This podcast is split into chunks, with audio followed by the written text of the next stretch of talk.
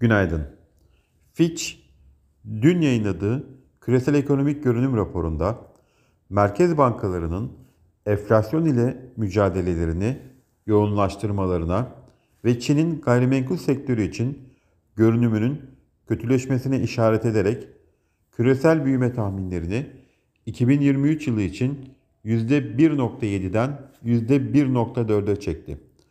Amerika'da ISM imalat dışı PMI Kasım ayında Ekim ayındaki 54.4 puandan 56.5 puana çıktı.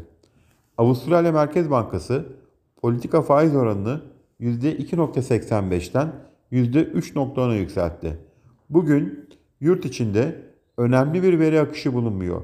Yurt dışında Amerika'da dış ticaret dengesi açıklanacak. Bu sabah Asya endeksleri karışık bir görünüm sergilerken Amerika'da vadeli endeksler yatay işlem görüyor.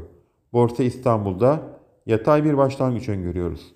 İyi günler, bereketli kazançlar.